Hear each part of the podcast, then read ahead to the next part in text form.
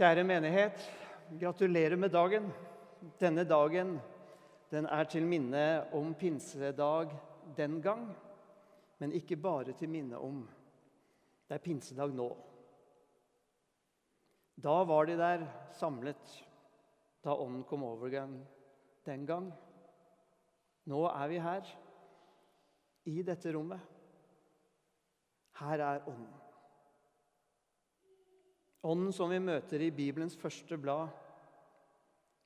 Første ord om skapelsen. Jorden var øde og tom. Mørket lå over dypet. Men Guds ånd svevde over vannet. Og så fulgte smellet, skapelsen. Roa, som hun kalles på hebraisk, det er et hunnkjønnsord. Hun fødte skapelsen.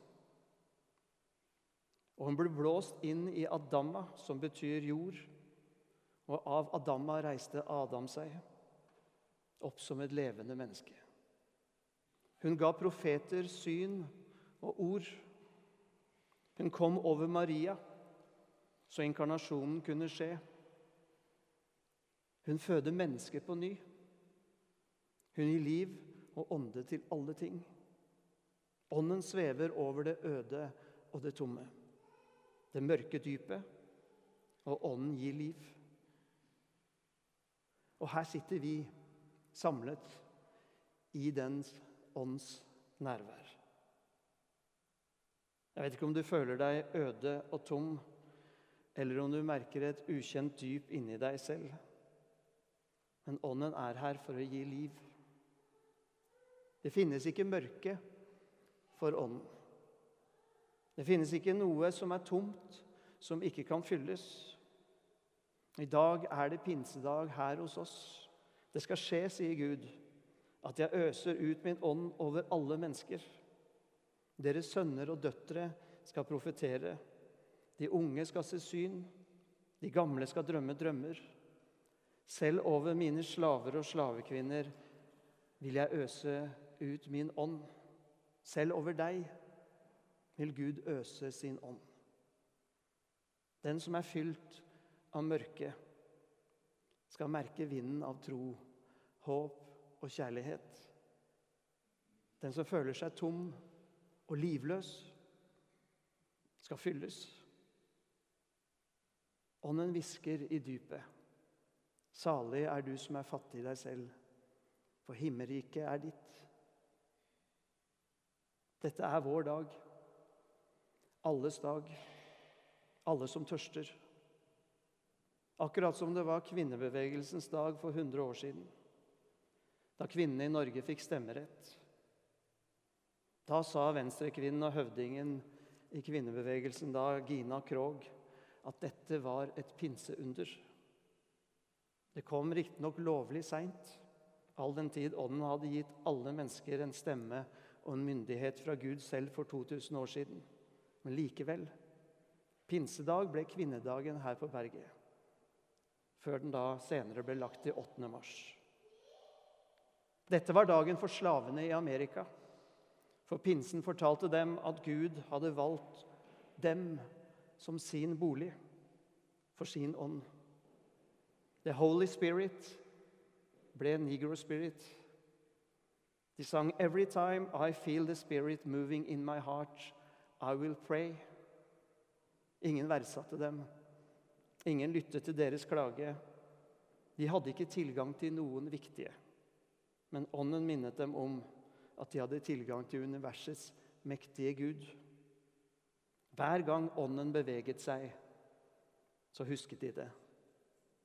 De reiste seg, og de henvendte seg til Gud selv. Yes, sang de videre. I looked all around me. It looked so fine.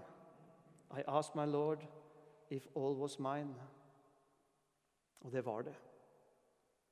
De var plaget, og de var fanget, men de eide alt. Ånden var deres.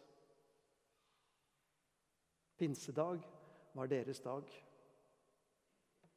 Og dette er vår dag, i pandemiens og isolasjonens dager. Det usynlige nærværet. Åndens nærvær i alles liv. Ånden er nær deg og i deg og mellom oss. Let, og du skal finne. Lytt, og du skal høre.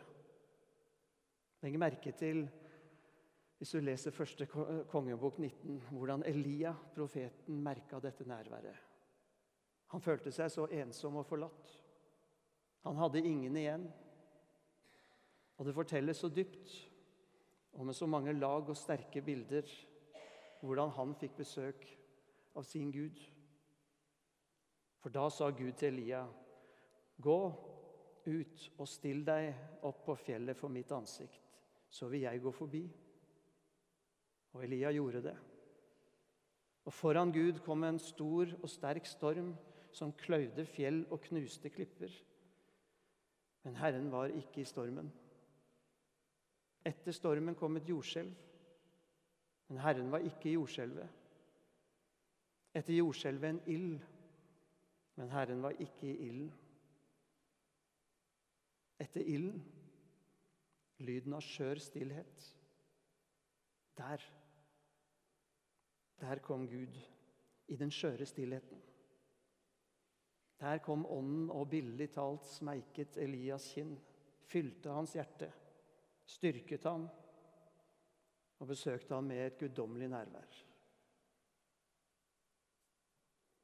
Jeg kjenner en eldre kvinne her i menigheten som stiller seg opp foran stuevinduet hver dag og sier, 'Gud, jeg tar imot deg'.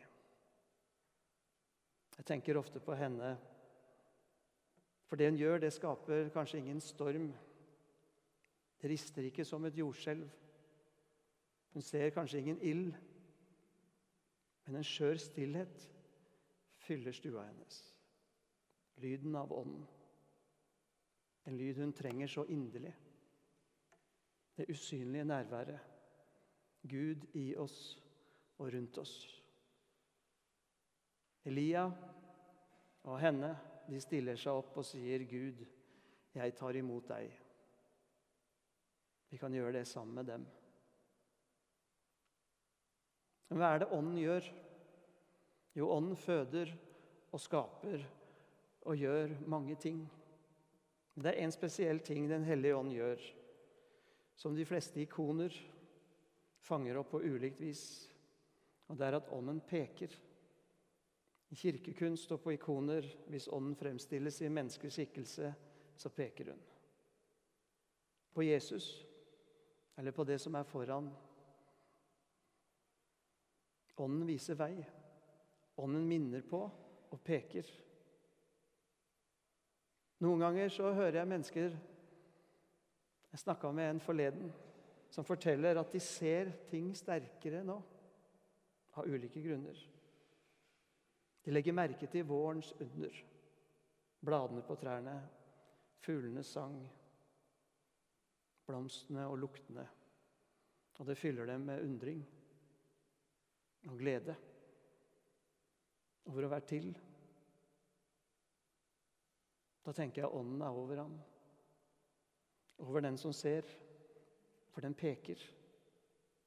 Noen ganger så ser jeg mennesker som reagerer med sterk medfølelse og engasjement for mennesker de møter. Flyktninger eller barn som lider, folk som har det tøft. Da tenker jeg at ånden er over dem. Den peker. Jeg tenker Gud forby at tilgangen som vi har til underholdning og luksus og reiser og velvære og økonomisk trygghet, skal gjøre oss fattige på ånd. Uavhengige. Sånn at vi med alt hva vi har, miste selve livet og oss selv. Gud, jeg tar imot deg. Kom, Hellige Ånd. Fyll mitt liv. Sånne bønner. Mist dem ikke. Still deg opp hver eneste dag og lytt og se.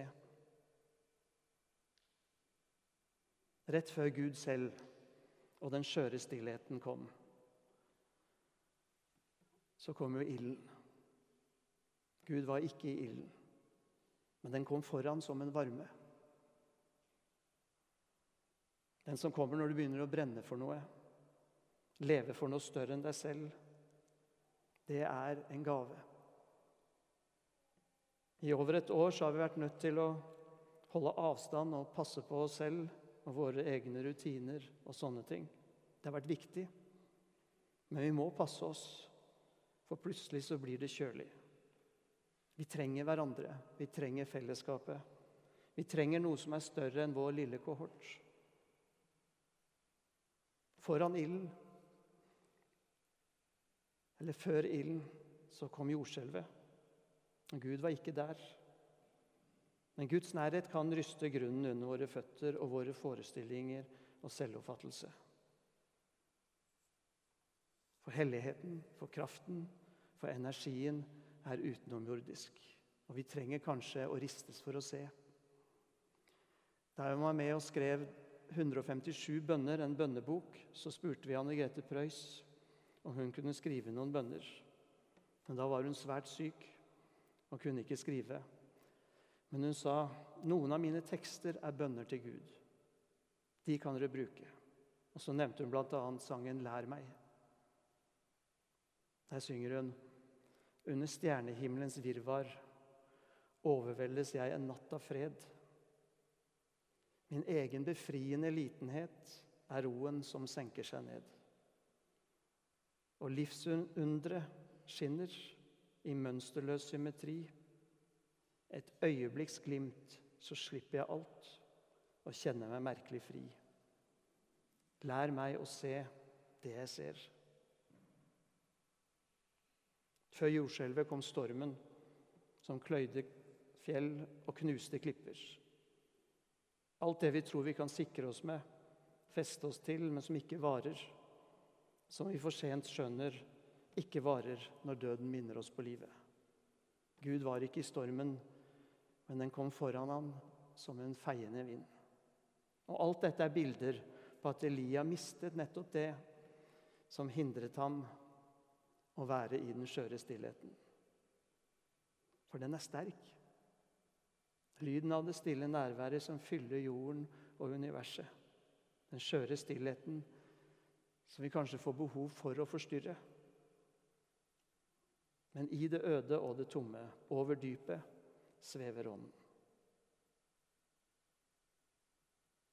Over ditt dyp.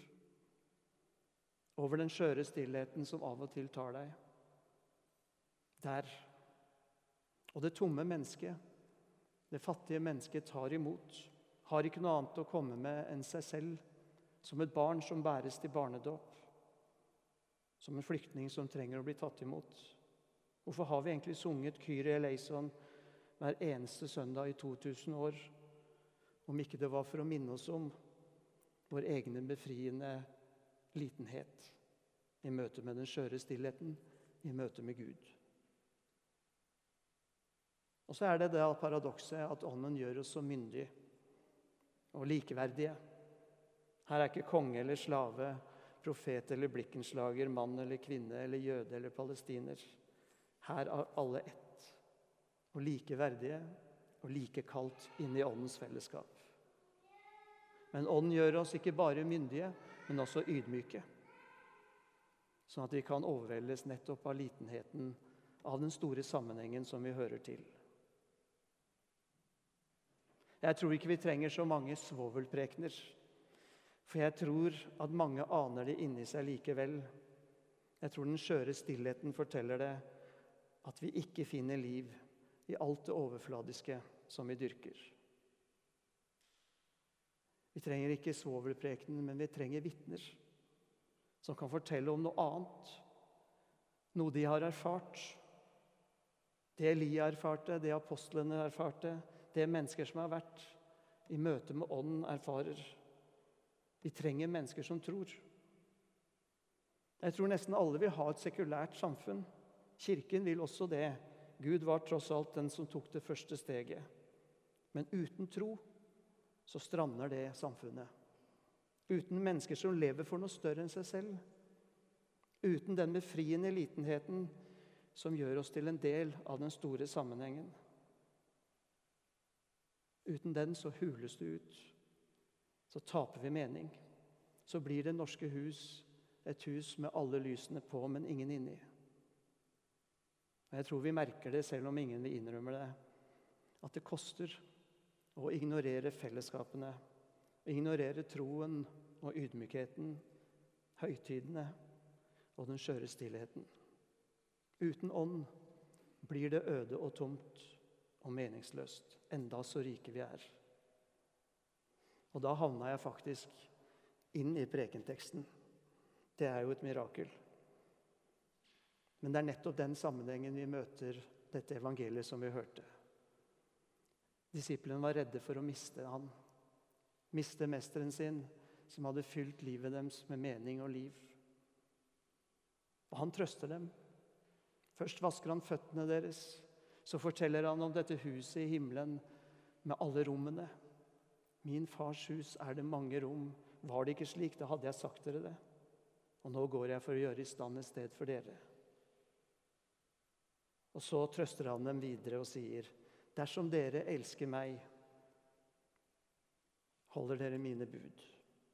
I et kravsamfunn med en haug med regler, så gjør han det sånn. Dersom dere elsker meg, holder dere mine bud. Og Det er ikke definert av at han ikke visste at de ville svikte. Han visste det. Men det er definert av at de hadde gått med han i det høye og i det dype, i hverdager, i store dager, og vært med han i dette. Det skaper en kjærlighet. Det er derfor vi har kirkeår som går og går, hvor vi får være med Jesus høyt og lavt gjennom alt. Det skaper kjærlighet. Så trøster han dem og sier, 'Vær ikke redd. Jeg sender en talsmann til dere.' 'Jeg etterlater dere ikke som foreldreløse barn. Jeg kommer til dere.' Og dere kjenner Ånden. Ta henne imot. Gud, vi tar deg imot. Og la oss nå bare være litt stille sammen. Sette oss godt til rette og be den bønnen med den eldre kvinnen og med Elia og med alle troende over hele jorden. Gud, vi tar deg imot.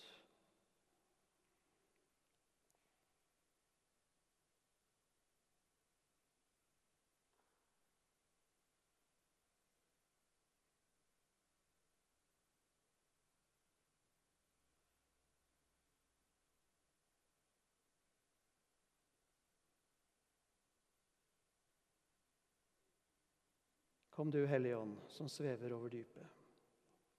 Vi tar deg imot. Ære være Faderen og Sønnen og Den hellige ånd, som var, er og blir en sann Gud fra evighet og til evighet. Amen.